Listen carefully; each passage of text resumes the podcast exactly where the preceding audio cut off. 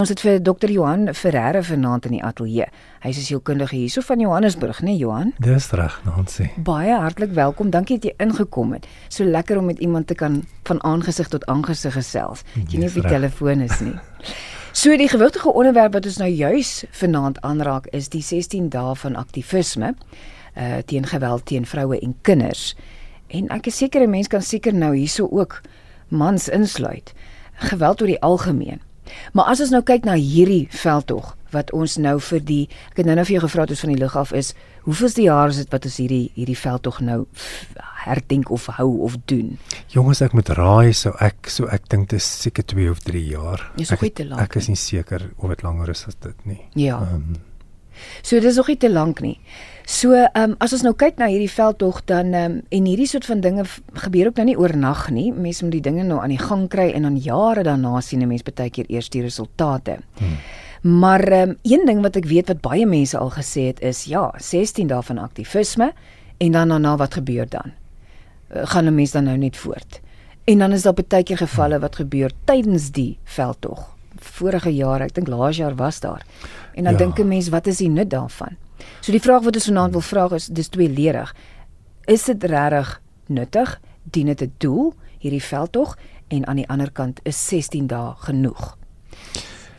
Ja, kyk sommer vraag 2 sommer dadelik antwoord 16 dae is uit die aard van die saak nie genoeg nie. Ehm um, dit moet eintlik 'n leefstylverandering by mense teweegbring. Dit moet 'n kultuurverandering wees. Ons moet na mense se identiteit kyk. So dit is alles goed wat lang tyd vat.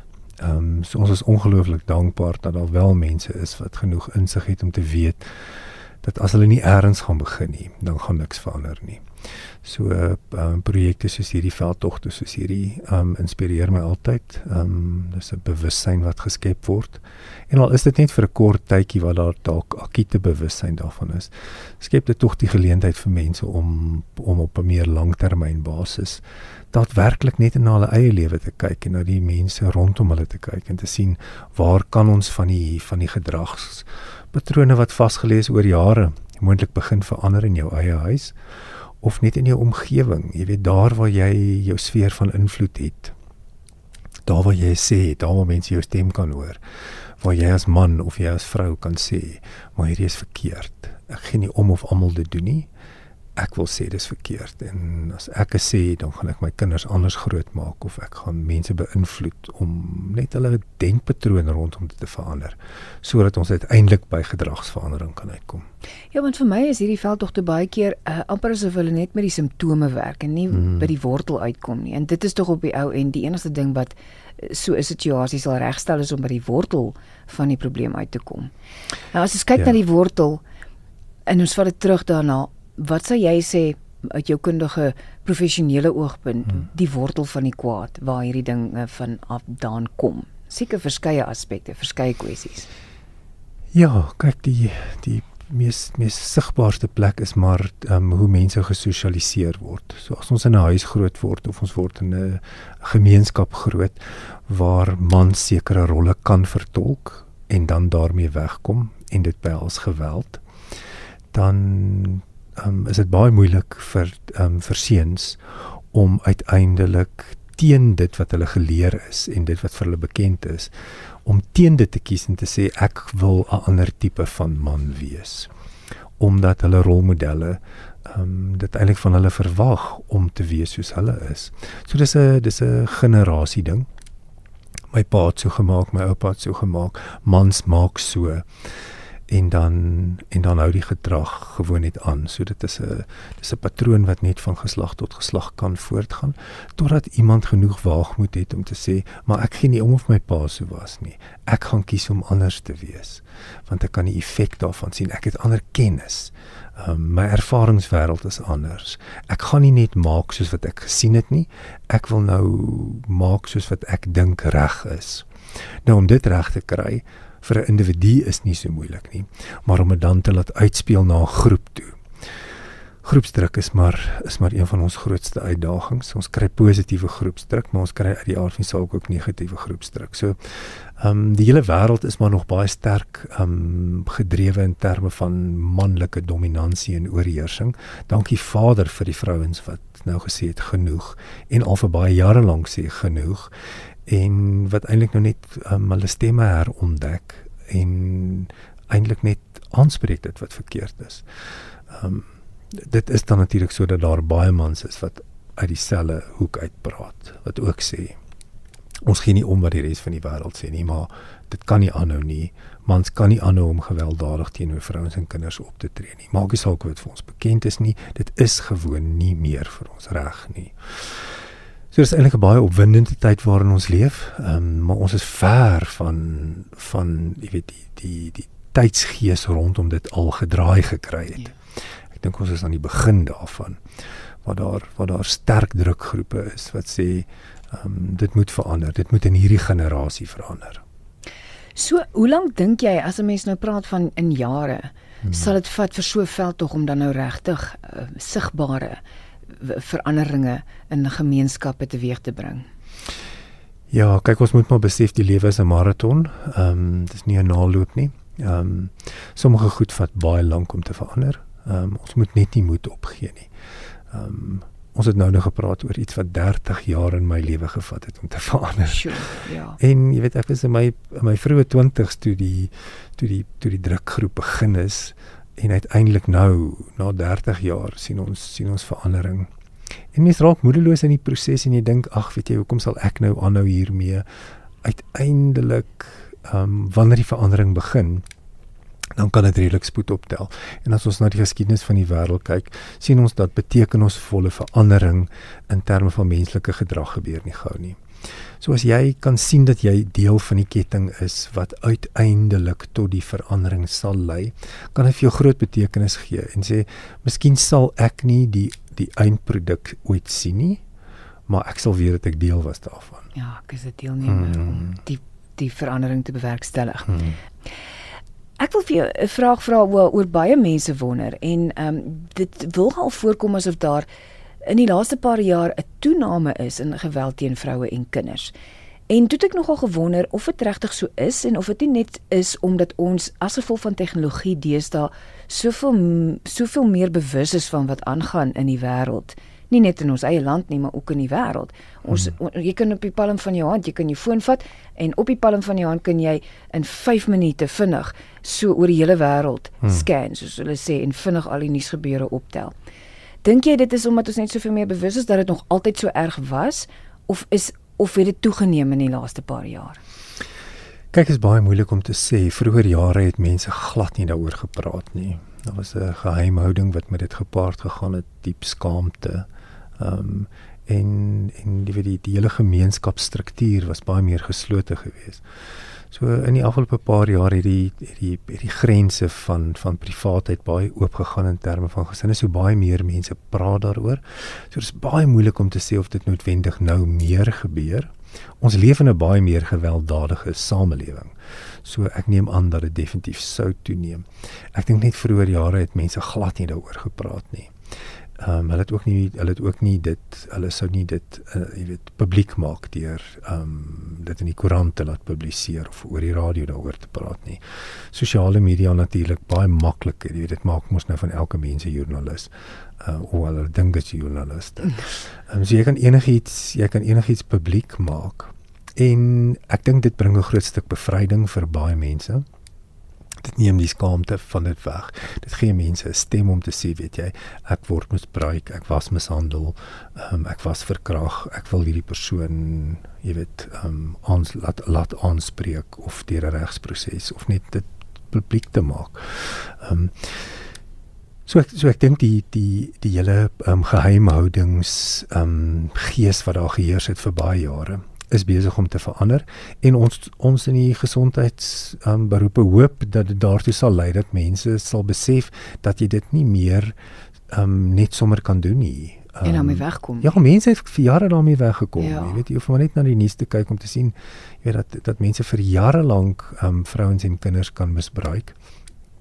En en daar was 'n stelsel wat hulle onderhou het en wat die geheimhouding eintlik gevoed het. So ja. al was dit bekend dat jy nou by 'n skool, jy weet kinders misbruik, dan het hulle jou maar net gevra om te gaan, jy het nie na die volgende skool toe gegaan. Uh in plaas van om dit publiek te maak en die persoon op 'n op 'n lys te sit van seksoortreders. Ehm um, van 'n persoon wat kinders misbruik, ehm um, jy weet of of geweld dadige optrede teenoor vrouens. So daarvoor is ons baie dankbaar want ten minste kom sit daar nou nie meer soveel mense in my spreekkamer wat vir my dan sê maar vandag is die eerste keer wat ek dit vir iemand sê nie. Ja. Ehm um, want dit is geweldig. Ehm um, jy weet geweldig traumatiserend. Goed kan kan 30, 40 jaar terug met mense gebeur het en nou praat hulle vir die eerste keer daaroor. Ja.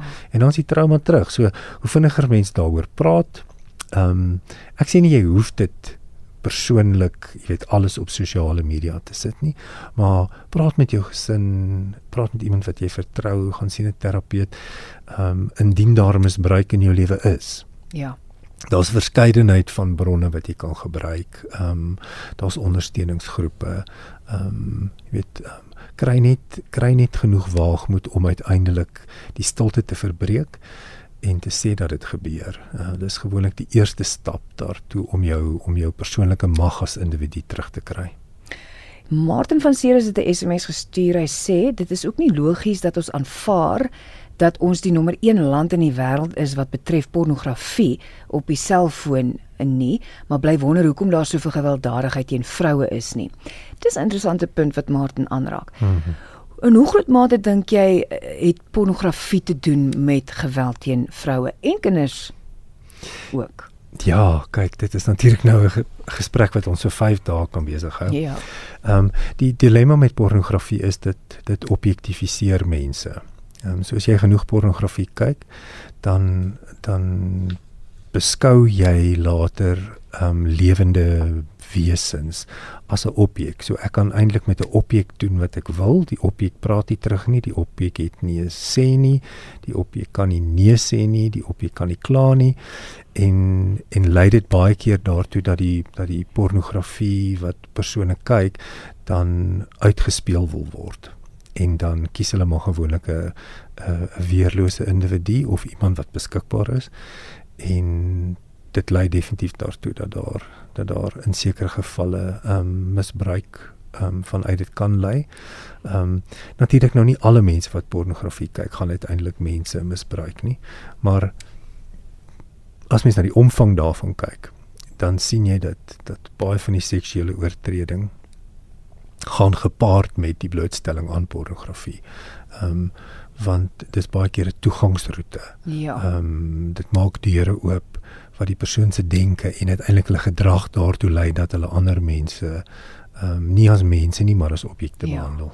Maar maar dit is soos jy ek lei nou af wat jy bedoel daar, dit is amper soos soos alkohol uh hmm. sommige mense kan ook alkohol gebruik en en verantwoordelik gebruik hmm. en en stop na een of twee hmm. en dit het geen invloed verder in sy lewe nie en dan is daar ander mense wat nie kan raak daaraan nie want hy weet nie wanneer om te stop nie en dit het 'n groot invloed op alle sfere en en en, en fasette van sy lewe. Dit is ongelukkig so. Ja. Ehm um, so jy weet ek het 'n ek het 'n persoonlike en baie definitiewe opinie rondom pornografie. Ek persoonlik dink nie dat dit noodwendig positiewe waarde tot mense se lewe toevoeg nie en dan lei dit natuurlik daartoe dat sommige mense totale verslawing daaraan ontwikkel. Ja. Dit neem hulle hele lewe oor. Dit ja. kaap hulle hele lewe en laat hulle in daai diep donker gat afklim wat uiteindelik daartoe lei dat ander mense misbruik word.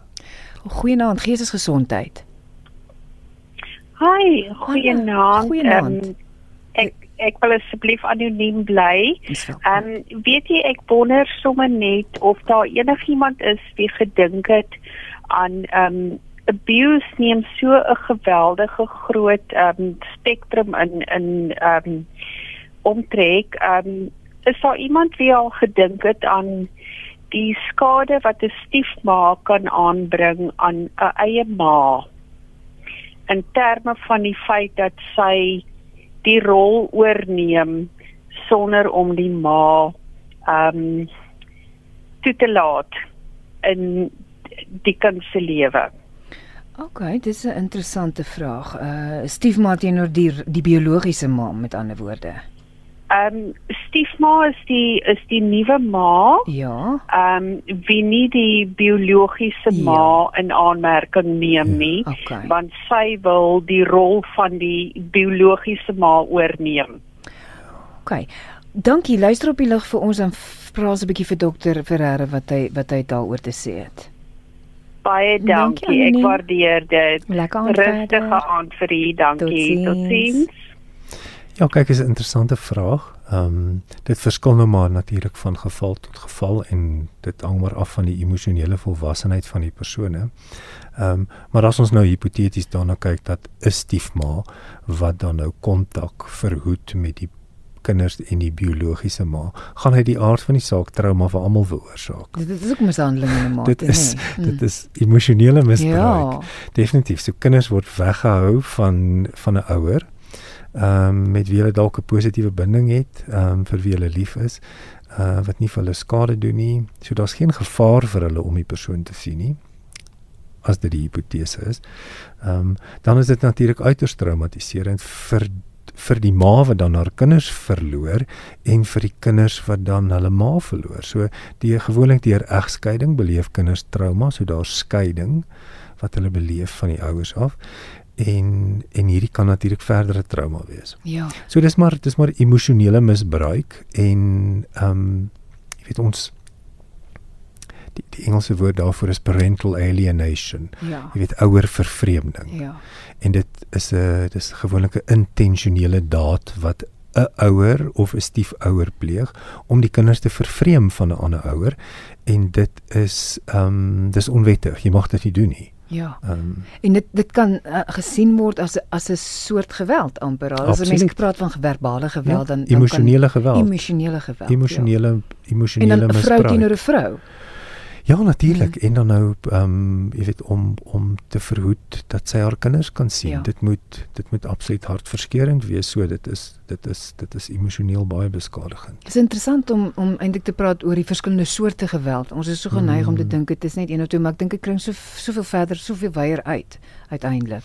Ja, en dit is nie altyd sigbaar nie, nee. Ja. Ja, Ehm, daai soort veral. Net om nie weet net omdat ek nie 'n blou kol het nie, beteken nie ek het nie seer gekry ja. nie.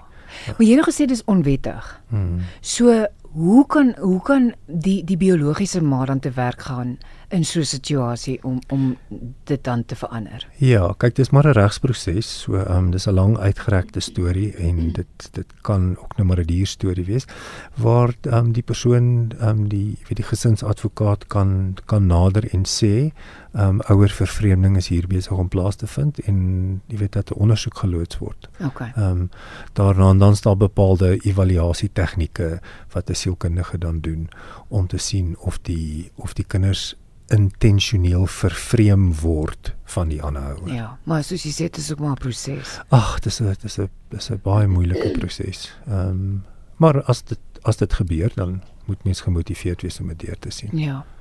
Nog 'n paar SMS'e wat ingekom het. Ons was 3 dogtertjies wat by ouma groot geword het. 'n Dominee het kom huisbesoek doen en ons is betas. Ek is al 74 en ek kan hom nie vryspreek nie. Hy het groot sielkundige skade gedoen. Soos hy anoniem kan nou daarop reageer. Ek wil net hierdie een ook lees. Uh iemand wat sê ook is anoniem. Ek is van mening dat geweld in die algemeen hand uitdruk. Ons moet geweld teen die mensdom op fokus. Hmm. Eensydige benadering is gevaarlik en die menslike gedrag aan die algeheel moet hervorm tot so mate dat die geweldsvlakke wesentlik sal verbeter. Activism against human abuse, so sê hierdie persoon. Baie waar. Activism against human abuse is is maar eintlik waarna ons moet streef. Ja, ja. En dis 'n baie goeie insig. Goed, so as ons nou fokus op hierdie ander SMS van uh, die 74-jarige uh, dame wat sê dat uh, sy betas is deur die dominee saam met haar sissies toe hulle nog klein was. Sy kan hom nou nog nie vryspreek nie en dit is verskriklik om met daai gevoelens te loop van uh wanneer 'n mens 'n wrok dra. En 'n mens dink maar jy kan nie vir hom vryspreek nie, maar daai wrok op die ou end is besig om vir jou net so te vergiftig. Hmm. Uh as um, seker omtrent miskien dalk die mishandeling in 'n mate ook. Sy het groot sekundige skade gedoen sê sy. So wat kan sy doen in hierdie stadium? 74 jaar oud, jare wat sy sit in die wrok om uiteindelik te laat gaan. As ek mag so sê Tannie, ek dink dit het nou tyd geword dat jy moet vrede maak hiermee. As jy dit vir nog 'n dag of vir nog 20 jaar met jouself wil saamdra, dan kan jy en mag jy.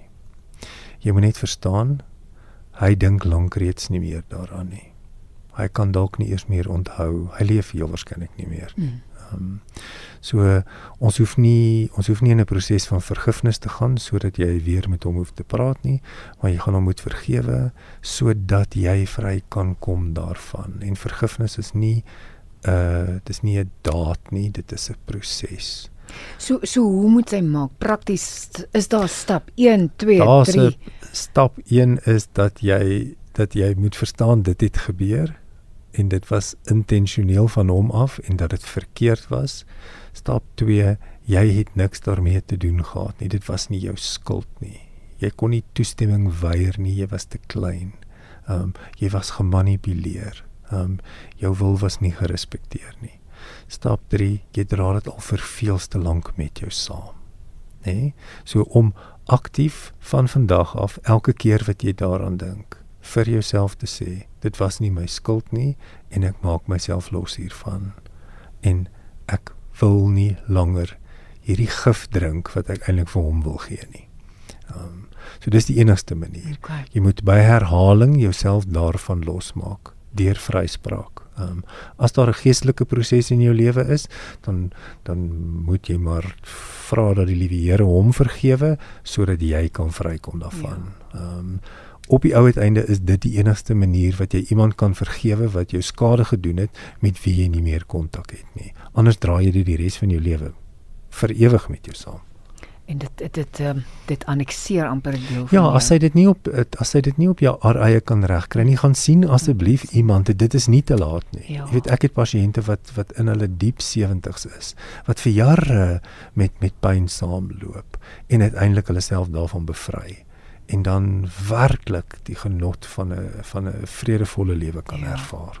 Ek het ook al gehoor mense sê, ehm um, hulle maak gebruik van rituele. Hmm. Dat hulle letterlik vir hulle 'n klein 'n klein ritueeltjie skep en as dit is dit het vir 'n paar dae of 'n week of maande selfs moet doen, want dit is 'n amper 'n tasbare ding, 'n ritueel. Wat het jy ja? Ja, daar's 'n klomp goed wat ons kan doen. Een van die mees funksioneelstes het 'n kollega van my van verduidelik. Sy het gewoon net 'n uh, 'n ritslinte in 'n venster gehang en elke keer as sy dink aan die pyn, dan knip sy 'n stukkie van die lint af. Totdat die lint opgeknip is ja. en as die pyn nog daar is, dan plak sy nog 'n lint in die venster en elke keer as sy dan dink aan knip sy nog 'n stuk van die lint af. Ja. Ehm um, en dit kan maande vat maar elke keer as sy 'n stukkie van die lint afknip, dan sê sy nou laat gaan ek 'n deel van my pyn. Dis net 'n visualisering daarvan.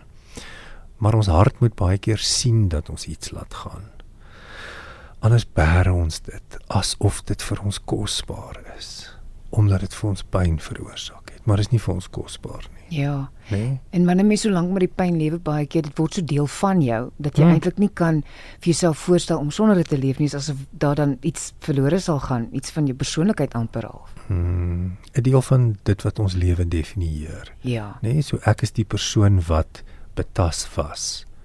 Maar op 'n stadium hoef jy nie meer daai persoon te wees nie. Ja.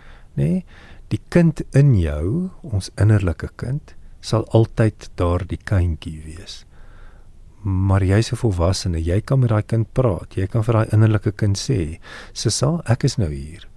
En as daai ou weer naby ons kom, dan tel ek jou op en ek draai jou weg. Hmm. Sodat jou innerlike kind kan veilig voel by jou as volwassene. Is 'n mens wat ingekom het hierso, die geweld teenoor die mensdom sal vir jare nog saam met ons wees. Die plakkerskampe, die huise binne daar word die kinders blootgestel aan alle soorte van geweld. Hmm. En uh die persoon sê ek kom uit so agtergrond, so ek weet. En die klomp kinders van die ouers, meer as 12 kinders. Ja, so dit dit, dit gaan ook oor eintlik maar te veel kinders, daar is die plek nie so hmm. of mense nou wil of nie, hulle word blootgestel daaraan. Ek sou hmm. nooit vergeet nie een dokumentêre seisoen het ons begin met 'n dokumentêr wat Darren Taylor hulle gemaak het. Hulle het in diep sloot ingegaan hmm. met hulle klanktoerusting. En dit was 'n 20 minute dokumentêr en ek moet jou sê my hart het gereis. Uh, hulle het nou die klank daar gehad en die inligting wat gekom het daar uit en dat 'n mens teen die einde van daai dokumentêr besef het dat die omstandighede waarna daai mense nog lewe En mens ry verby daai plek en jy weet nie eers nie. Hmm. En dat so baie van daai mense is totaal en al hulpeloos. Die, die huise kan nie sluit nie. Jy's jy's amper soos die Engelsman sê 'n sitting duck. Hmm. Baie keer. En hmm. en jy jy het net geen beheer daaroor nie. So ehm um, ek ek verstaan wat die persoon hierso sê en dan ook oor die hoeveelheid kinders. Hmm. Net nog die ander twee SMS en dan kan jy daarop reageer. Iemand baie naby my eh, was in die huis oorval en wreed aangeval. Die persoon het baie goeie ondersteuning en berading gekry en steeds. Ek ervaar dat ek baie angstig raak as die persoon nie telef die telefoon antwoord of selfs as daar beurtkrag is nie. Hmm. Is die persoon veilig? Kom onmiddellik by my op. Die ondersteuning het dikwels ook hulp nodig. Dis interessant, die ondersteuning het ek wil so hulp nodig. Ja. Ons vroue besef nie watter skade ons met ons tong en ons gedrag soos om iemand te ignoreer doen nie. Baie interessant en dan nog enige gou hierso, voel vir my vroue soms daarop uit om man se lewe te verwoes. Hoekom na vore kom eers jare later wanneer die manspersoon al bejaard is, soos die dame wat ons nou eh, die SMS van gekry het, klink vir my effe oordrewe, sê die persoon.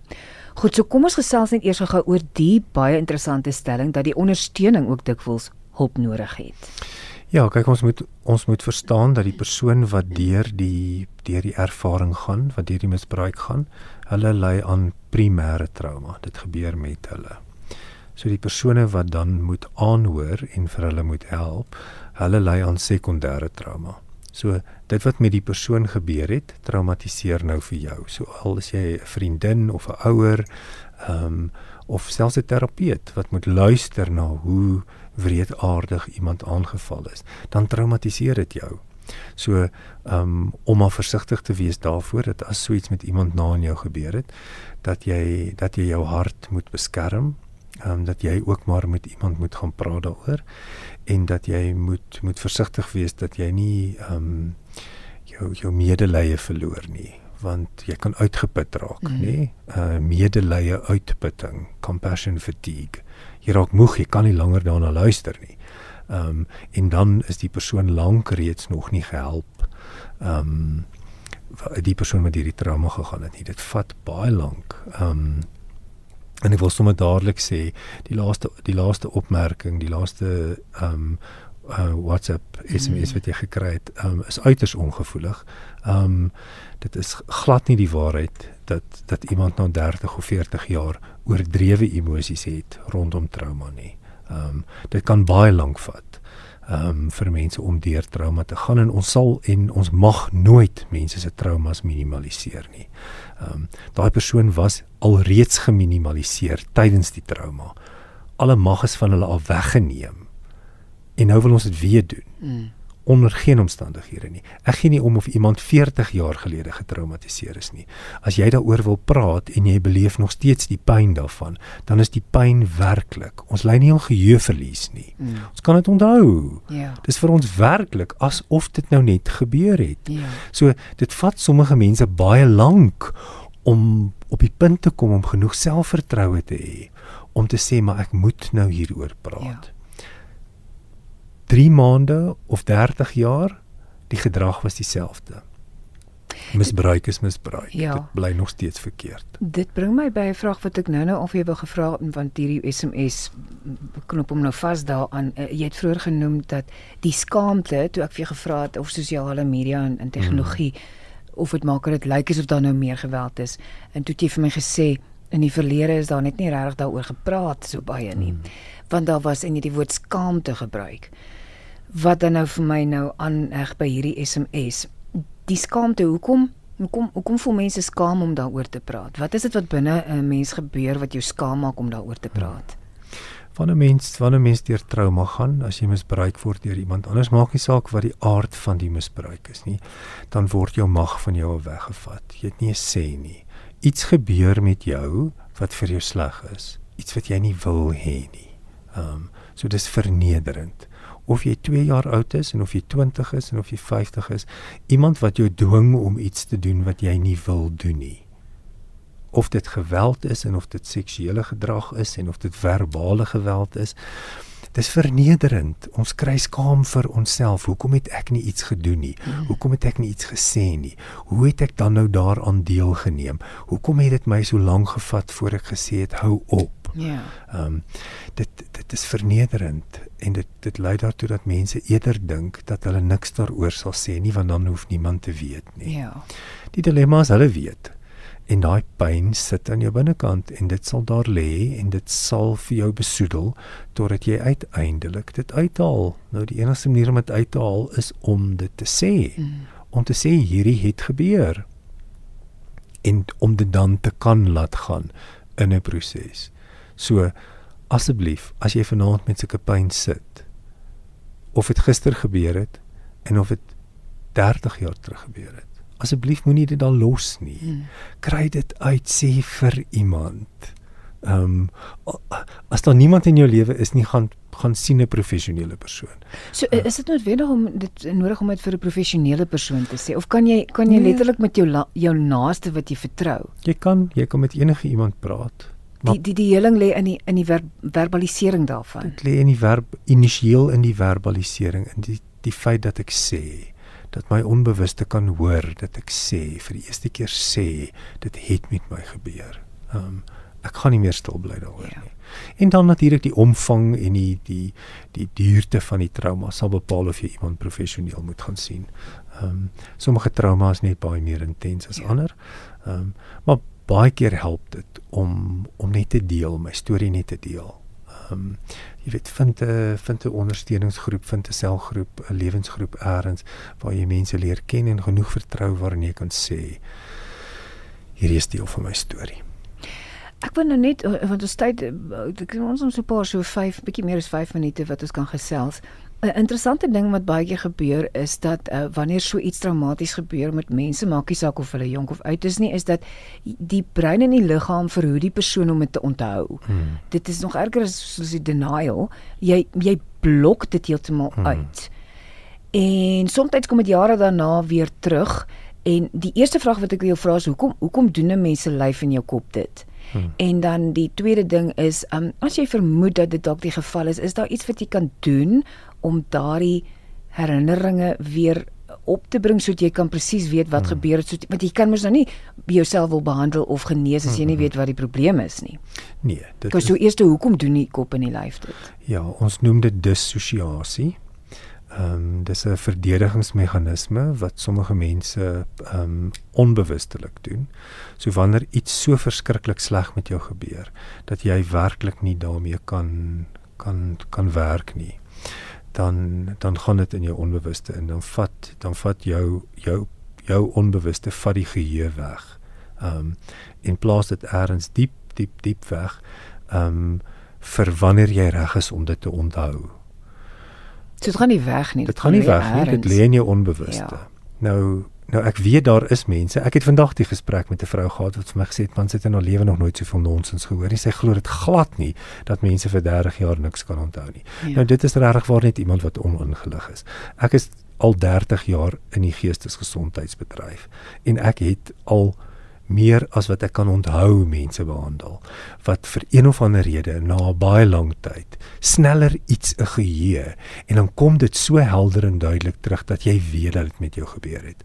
So dit is so. Sommige mense dissosieer, hulle hulle hulle skuif dit weg van dit wat aan hulle vas is sodat hulle dit kan oorleef en dan op een of ander stadium sneller iets dit. Ehm um, daar kom 'n geheue terug of jy voel sterk genoeg of jy is volwasse genoeg en dan begin jy dit goed onthou.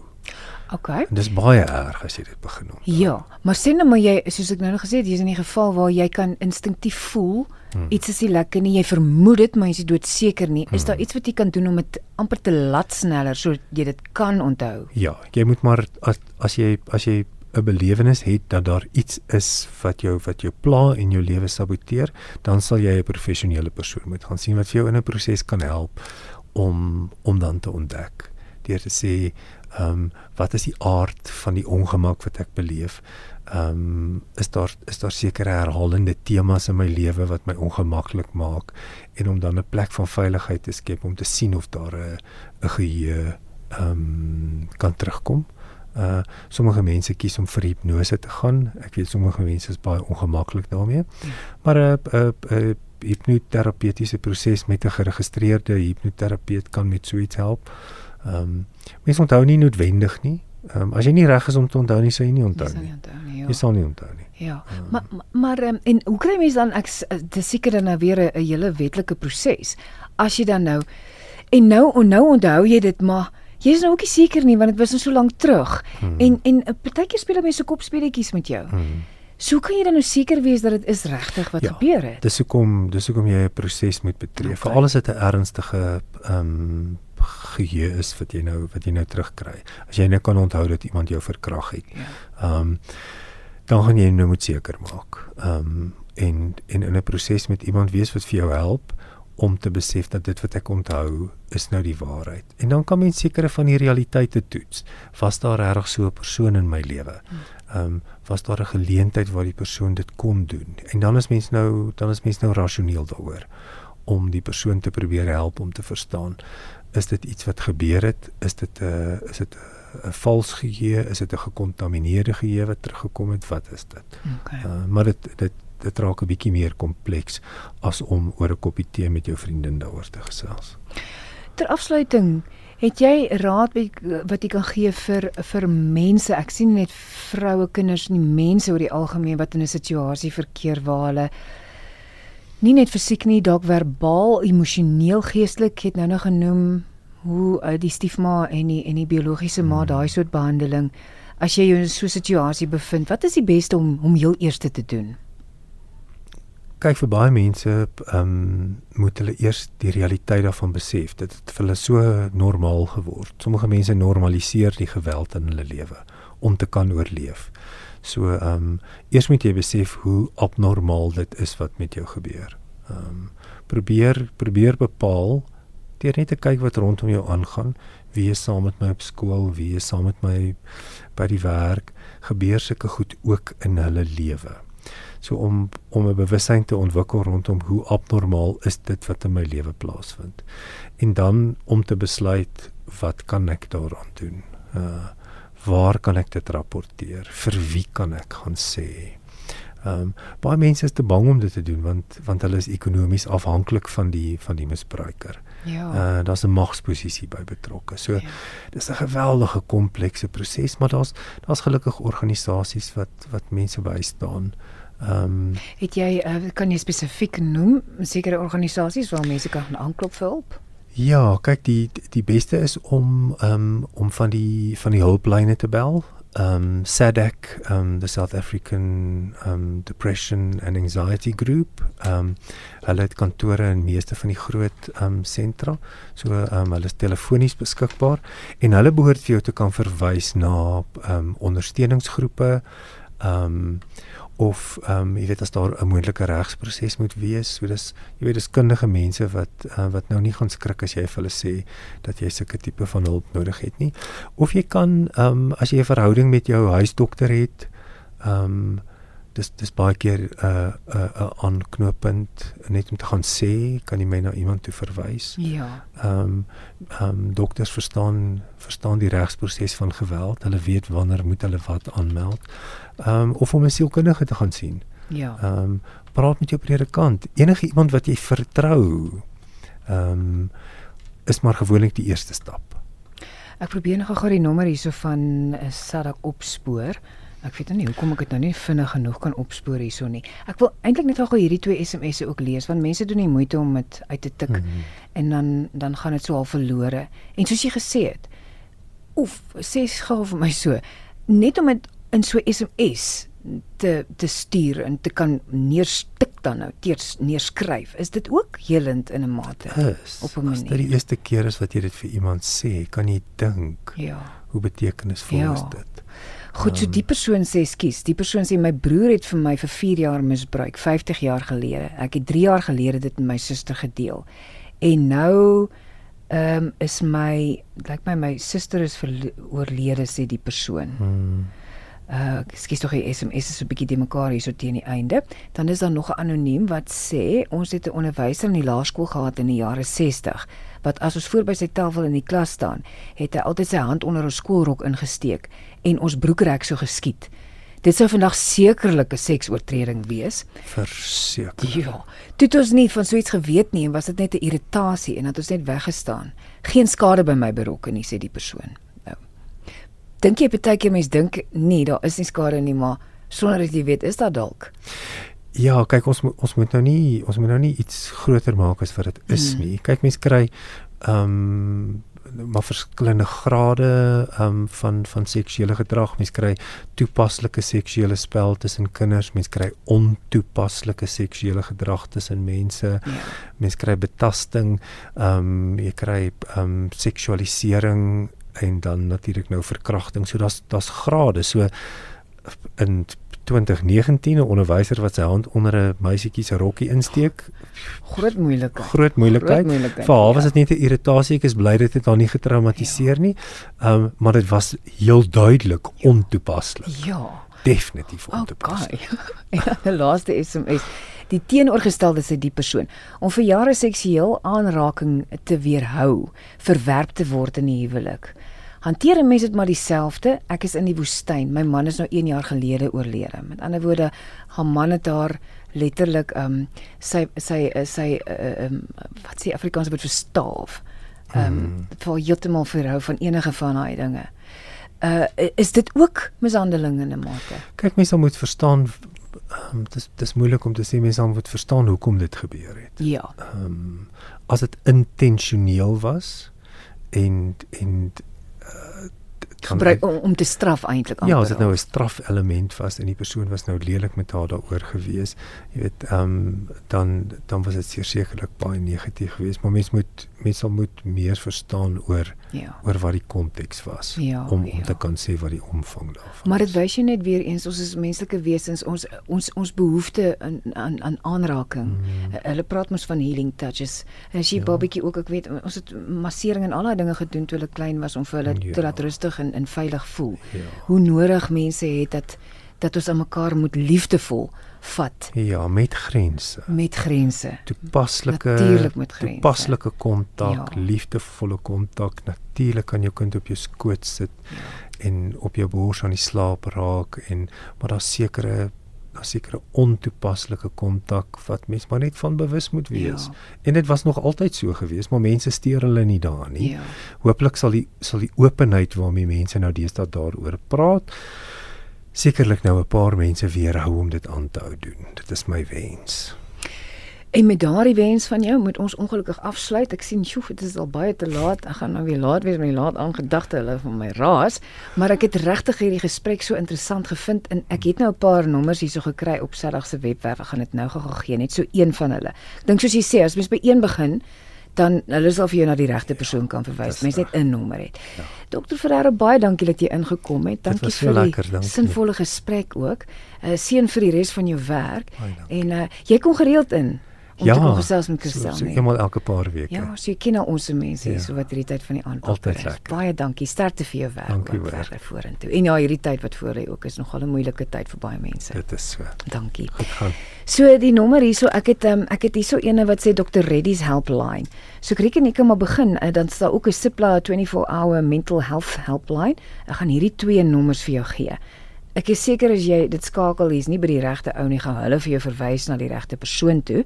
So Dr. Reddy se helpline is 0800 21 2223 0800 21 2223 en dan die Sipla 24 uur geestelike gesondheidshulplyn is 0800 456 789 0800456789 en dan my oog nou net hierso die uh, die selfmoord krisislyn of hulplyn ook gevang. 0800 567 567